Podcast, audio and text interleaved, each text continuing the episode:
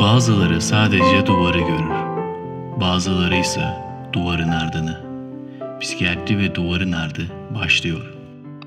Merhaba herkese, Cengiz ben. Yeni bir podcast kaydında karşınızdayım. Bugün 21 Haziran Pazar.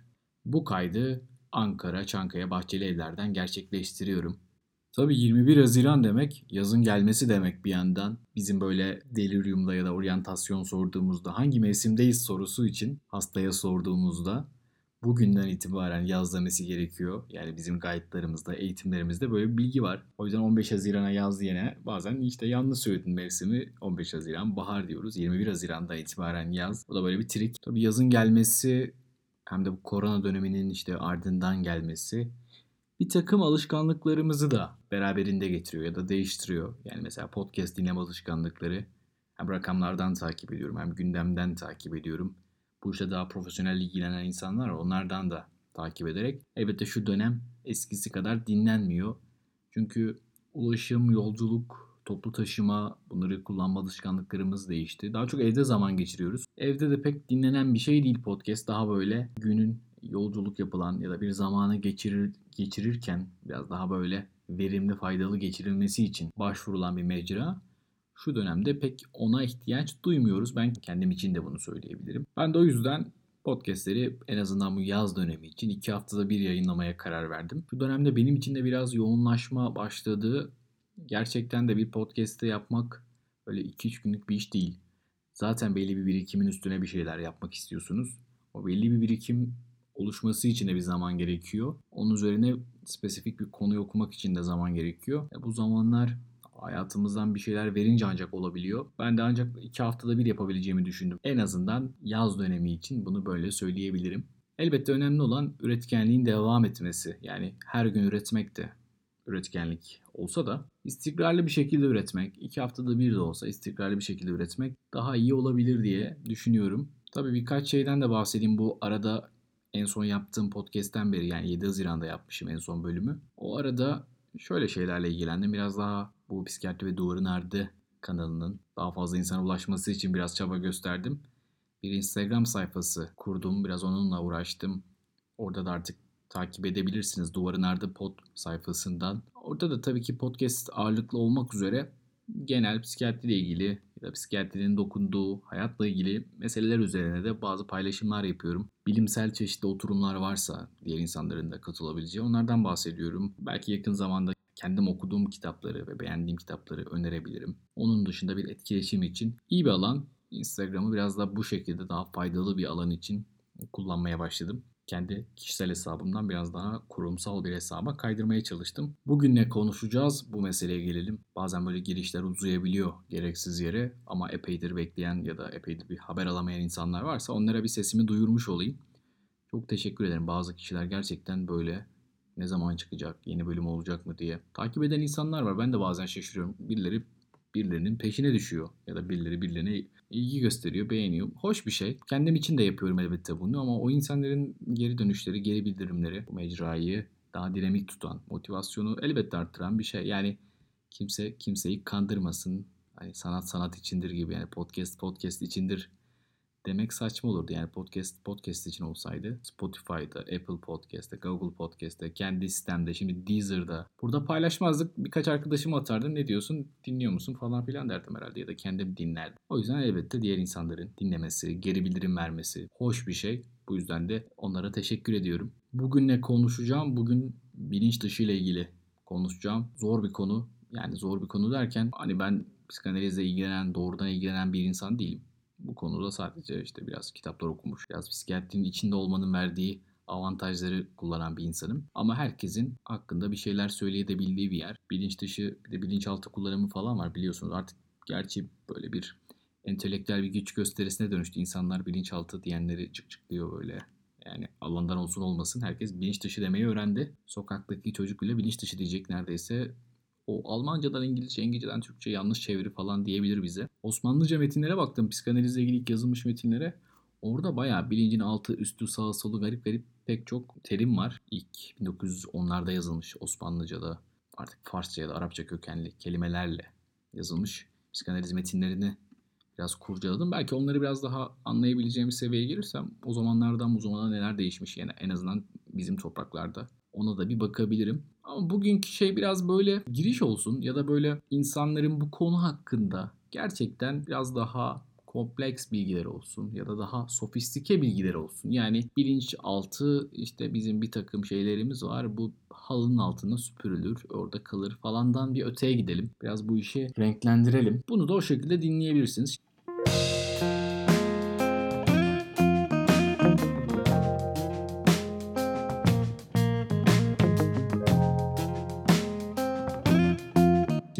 İle ilgili başlamadan önce bu psişe nedir onu bir konuşalım. Psike diye de geçiyor. Hatta bu dergiler falan var. Psike sinema, psike art diye. Psikolojide psişe insan zihninin, bilincinin ve bilinç dışının tamam olarak geçiyor. Psikoloji psişenin bilimsel ve nesnel incelenmesi bilimi yani psikolojinin çıkışı zaten oradan. Bu terim çok eski yani felsefede bile antik dönemlerden beri kullanılıyor. İnsan doğasını bilimsel açıdan anlamak için temel kavramlardan birini oluşturuyor. İşte bu psikiya tabii zor bir kavram. Bunu böyle anlamak da öyle deneyler falan bilimsel yöntemler diyoruz da bakalım şimdi mesela bilinç dışını konuşalım öyle mi olmuş? Bilimsel ya da deneysel yöntemler kullanılmış mı? Çok emin değilim. Şimdi bilinç dışının adlandırması yani bu isim nereden geliyor? Bilinç dışını kim buldu? Daha önce neredeydi? Freud mu buldu? Freud'dan sonra mı ortaya çıktı? Bunlar tabii Freud ve müritleri için elbette Freud'da başlıyor. Ama çok öncesinde de var zaten. Şimdi biraz oraya da gidelim sonra Freudian ekolden de bahsederek kaydı sürdürelim. Bilinç dışının meselesi yani öyle bir dünya ki bir kara kutu var orada. Freud'un dilinden anlatıyorum size biraz metaforlarla. Orada bir kara kutu var. İçinde bir, bir takım şeyler var. Ne olduğunu da bilmiyoruz ama biliyoruz ki oradaki şeyler her neyse bize sıkıntı yaratan ya da bizim hayatta çözümleyemediğimiz bir takım şeyler orada. Freud bunu bazen işte buzdağına benzetiyor. Bilinci buzdağının görünen kısmı, bilinç dışını da o görünmeyen daha büyük kısım olarak öne sürüyor. O da seviyor böyle metaforları ya da hikayeleştirmeyi. Maria Bonaparte bir mektup yazıyor. O da Freud'un böyle nasıl diyeyim arkasında durmuş şey bir kadın. Güçlü bir kadın yani her anlamda güçlü bir kadın. Maddi olarak da işte otorite olarak da etrafındaki bilinirlik statü anlamında da güçlü bir kadın. Ona şöyle bir şey diyor. Yani sen diyor Breuer'i tanısaydın çok başarılı, çok çalışkan, çok da bilge bir adamdı. Ben diyor ondan farklı olarak çoğunluğu karşıma alacak cesareti gösterdim. Yani Freud'un tabii ki Breuer'le bir meselesi var. Bu bilinç dışı ile ilgili şeye buradan bir giriş yaptım. Çünkü bu mesele daha Salpetier'e gidiyor. Charcot'un o çalıştığı hastanede Freud, Charcot ve Breuer'den biraz eğitimler alıyor. Onlarla beraber çalışmaya başlıyor ve o histeri kavramıyla, nevrozlarla orada tanışıyor. Orada yatan bir takım insanların histeriden muzdarip olduklarını ve bu nedenle bir takım rahatsızlıklar, sıkıntılar yaşadığını o dönem onlara söyleyen kişiler işte Şarkı ve Breuer. Tabi bu mesele nasıl çözülür ya? Bu insanlar nasıl iyileştirilir? İşte yürüyemeyen var, konuşamayan var, garip hareketleri yapanlar var. Bu klinik tabii ki de büyük bir klinik. Böyle pek çok hastayı inceliyor ve daha böyle göremediğimiz, bilemediğimiz, hastaların da bize çok söylemediği bir şeyler var ve biz bunu araştıralım diye bir takım çalışmalar yapılıyor. Breuer özellikle hipnoz deniyor ve hipnozu uyguladığı zaman bir takım şeylerin ortaya çıkması sanki gizli saklı bir şeyler varmış da onları ortaya çıkarmış Türkçesine hastada işte buna katarsis de deniyor. Hastada bir rahatlama ve bu rahatlamanın neticesinde bir iyileşme görüyorlar. Özellikle bu Anna O vakası, Breuer'in Anna O vakasını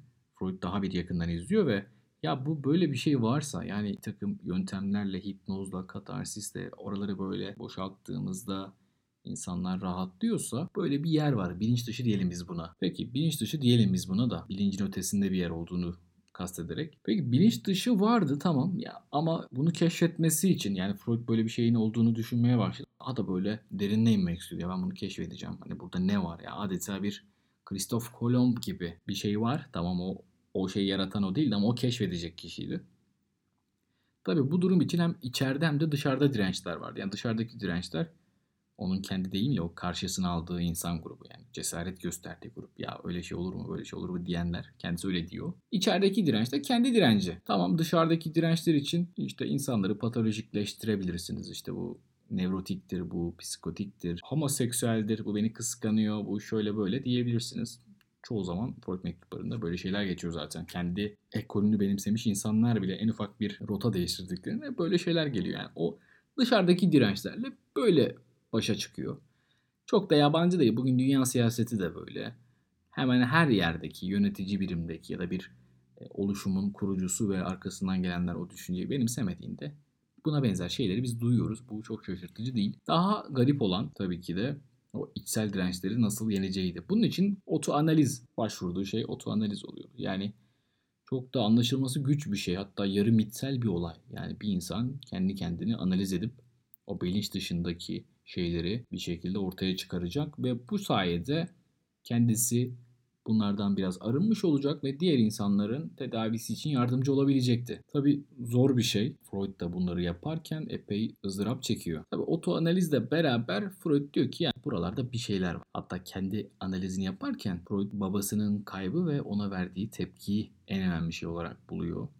Biraz onu hırpalıyor da bu süreç yani öyle çok kolay geçmiyor. Zaman zaman sekteye uğruyor. Ama o dönemler otoanalizle bu bilinç dışına yapılan yolculukta şöyle problemler çıkıyor. Herkes kendi otoanalizini yapmaya başlıyor. Yani Freud diyor ki otoanaliz yaparsanız işte rüyalarınızı kaydederseniz ya da bilinç dışınızda işte bir şekilde yüzleşebilirseniz bu sizi bunlardan arınmak için güçlendirecek ve devam eden dönemde diğer insanlara bir şekilde siz psikanalizi uygulayabileceksiniz diye söylüyor. Tabi bu kez herkes kendi otoanalizini yapmaya çalışıyor. Freud kendi otoanalizini yaptığında daha çok babayla ilgili çatışmaları buldu ya da Ödipus kompleksiyle ilgili o diyorum ya işte olgudan kurama gittiği şey. Freud belki de onu arıyordu ve onu buldu. Diğerleri de Freud'un işte Ödipus dediği yerde ya da baba dediği yerde anneyi buldu. Onun cinsellik dediği yerde başka bir şeyi buldu. Bu da tabii sorun yarattı aslında. Yani herkes aradığını buldu. Yani benim var ya arayan aradığını bulur. Hatta aradığından daha fazlasını bulur podcast'te. Onun gibi yani kim ne arıyorsa belki de onu buldu. Tabii yine de özgün gibi gözüken çeşitli deneyler de bunlar. Tabi bilmeyenler için belki de özgün gözüken bir şey. Baktığımız zaman buna belki de iç deneyim denilebilir.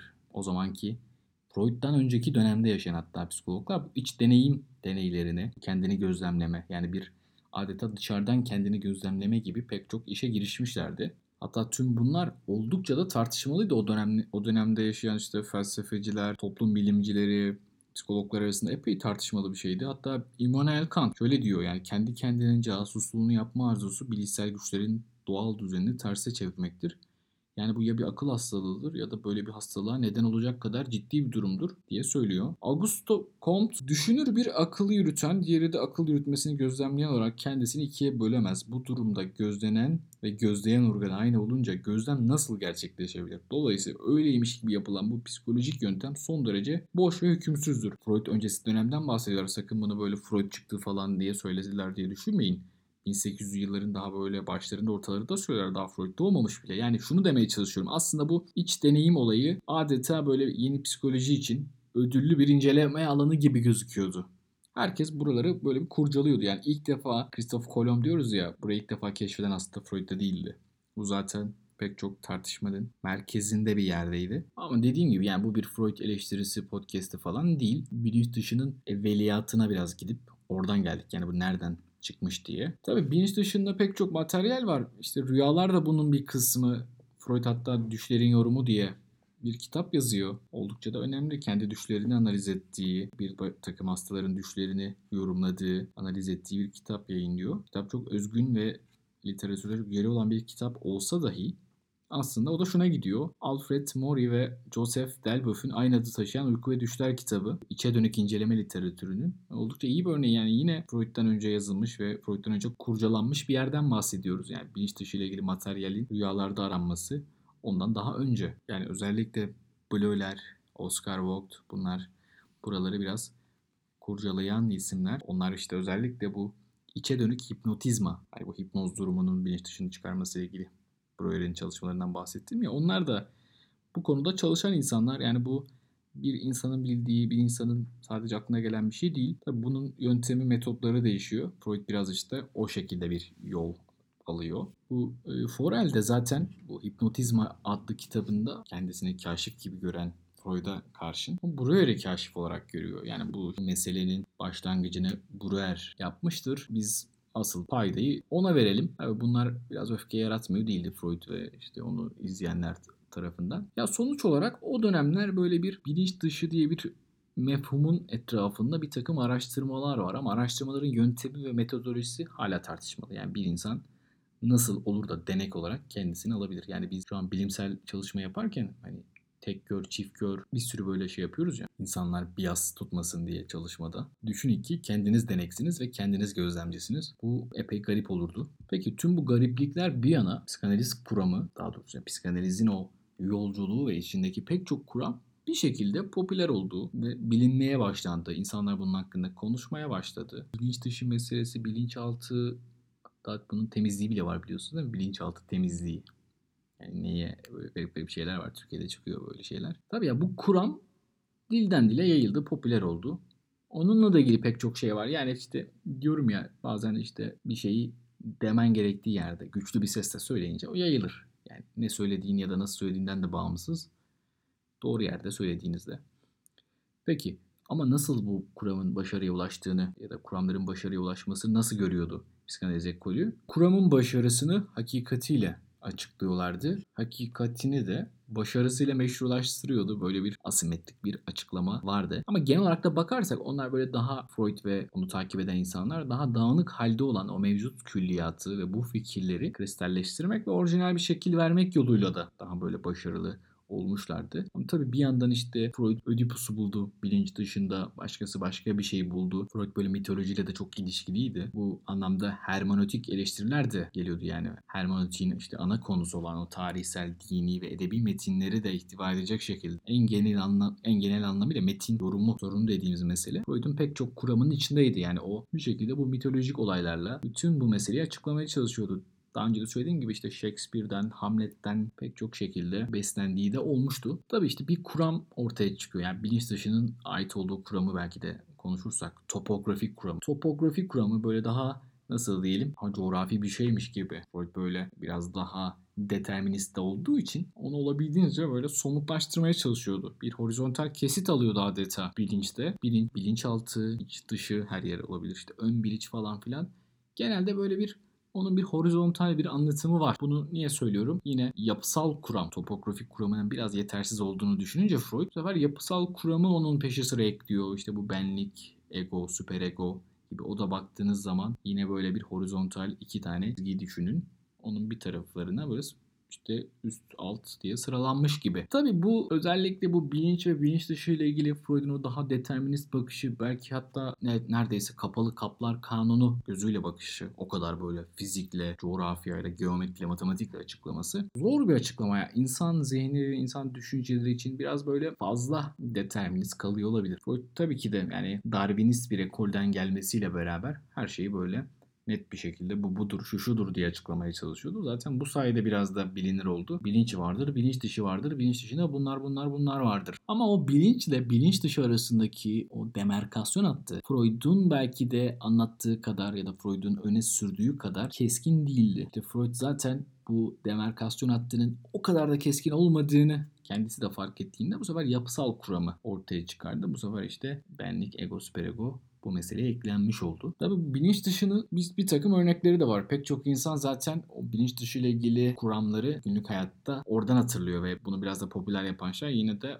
biraz oralar Özellikle bu dil sürçmesi meselesi hatta Freudian speech diye bayağı dile girmiş yani insanlar birisi bir şey dediğinde bir sürçtüğünde aa bak aha sen bundan demek ki bunu demek istediğin bak Freudian speech yaptın gibi. Baya baya bu meseleyi kafaya takmış ve hemen herkesin bir yorum yaptığı bir sahneler oluyor. Yine okuma yazma hataları, kazalar, işte yanlış anımsamalar, unutmalar. Hatta bu Freudian ekolü biraz takip edenler, biraz psikanaliz bilenler kavramla ilgili meseleleri hakim olanlar böyle işte bu unutma meselesi mesela. Birisini arayacaktınız unuttunuz. Ya unuttum canım falan demek biraz onların o içini yaralar. Çünkü sen tamam unuttun ama bir şey demiyorum bu elinde değildi.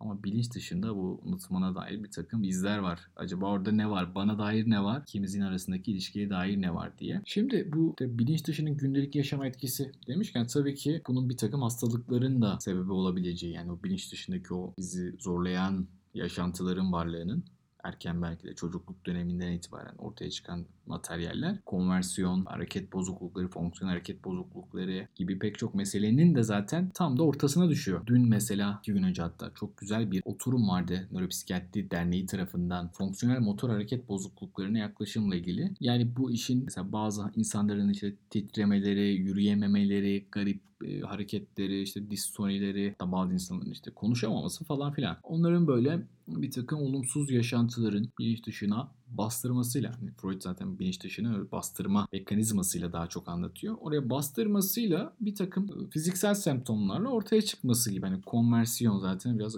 ismi. Çok değerli bir şey aslında. Yani bu pek çok fiziksel hastalığın bir şekilde buradan açıklanması bir yandan da tehlikeli bir şey. Yani biz sebebini bilemediğimiz ya da tam olarak anlayamadığımız pek çok şeyi bilinç dışının içinden bir şeyle açıklamaya kalkarsak yani bu bilinç dışından dolayı diye falan öyle söylersek bu sefer de o peşine düşmemiz, biraz daha irdelememiz onlar biraz zarar görebilir. Biraz da dengesi zor bir şey. Bir yandan da insanların bilinç dışı çatışmaları artık hani neyse öyle şeyleri tam da bilmiyoruz yani bu bilinç dışı neredir yani bu bilincin neresinde anlaması zor bir şey. Bunları böyle anlamak, şekilde tedavi etmek de zor. Hadi diyelim anladık. Şimdi anlamakla ilgili kısmı Freud ve ekibinin işte Bruer Charcot, histeri nevroz çalışan ekibin ve devamındaki insanların katkıları bence de büyük. Buna cidden diyecek bir şeyim yok. Ama onlar bu işte hipnoz, serbest çağrışım, telkin buna benzer yöntemlerle orayı oradaki katarsisi bir şekilde sağlayıp bu kişilerin rahatlayacağını düşünüyorlardı. Ve kendi yayınladıkları vakalarda bunun böyleymiş gibi olduğuna dair yani kendi kuramlarını doğrulayan bir takım vakalarla bunun böylemiş gibi olduğuna inandılar, inandırdılar insanları. Ama hiçbir zaman buna dair net bir bilgi sahibi olamadık vakaların devamında nasıl olduğu. Yani bilgi sahibi olduklarımız var aslında iyileşmediklerine dair takım bilgilere sahibiz. Yani geldiğimiz noktada şu onların böyle bilinç dışının tezahürü olarak karşımıza çıktığını iddia ettikleri çeşitli motor hastalıklar. Bugün hala çözümü zor. Yani bu psikanaliz, işte bu serbest çağrışımlar, o çatışmaların çözümü, bu insanların iyileşmesine bu kadar yardımcı olabilseydi ya da bilinç dışındaki o materyalin bir şekilde temizlenmesi, hani bilinçaltı temizliği gibi oldu ama bu kadar faydalı olsaydı neden hala bu prognozu en zorlu grup için bir tedavi, bir tedavi protokolü hali hazırda olmazdı. Bu bence bütün bu meselenin o karmaşıklığını ortaya koyan bir soru. Tabii bunu psikanaliz ekolüne sorduğunuz zaman onlar size diyecek ki direnç. Pek çok şeye verdikleri cevap gibi direnç. Direnç varsa çözemez. Yani direnç o da müpen bir kavram. Yani tıpkı bilinç dışı gibi. Ya o yüzden bazı meseleler böyle orada tıkanıyor, kalıyor. Yani bilinç dışı var ama tam nerede? Bunu bilmiyoruz. İçinde tam olarak hangi materyaller var ya da bu materyaller nasıl ortaya çıkabilir? Tedavide nasıl bir yol izleyebiliriz? Ya bu bilinç dışı vardı peki de Freud'dan önce neredeydi? Yani Freud mu buldu? Bunun için biraz da bu kaydı ve bunun böyle biraz daha geniş perspektifi bakışını sunmaya çalıştım. Biraz daha böyle dışarıdan meseleye geniş bakmak en azından ben bunu yapmaya çalıştım. Böyle bakmaya çalıştım. Bunu dinleyenler de biraz da böyle bakabilsin diye bunları anlattım. Yoksa şu anlık anlattığım kısım bu literatürün binde biri bile değil. Basitçe anlattım. Şimdi bunun üzerine ben okumalar yapıyorum. Okumalar yaptığım yerin pek çok kısmını anlatmadım çünkü çok uzasın istemedim. Ama bu temel üzerine biraz böyle perspektifimizi genişletip bunun üzerine devam edebiliriz bir başka konuda ya da buna bağlantılı, ilintili bir konuda. Ama şimdi bunu burada keseceğim bu kaydı. Bu kayıtta da ilk defa mind mapping kullandım. O da güzel bir şeymiş yani böyle daha derli toplu anlatmak için. Benim de hoşuma gitti. Peki buraya kadar dinleyen herkese çok teşekkür ederim. Kendinize iyi bakın. Hoşçakalın.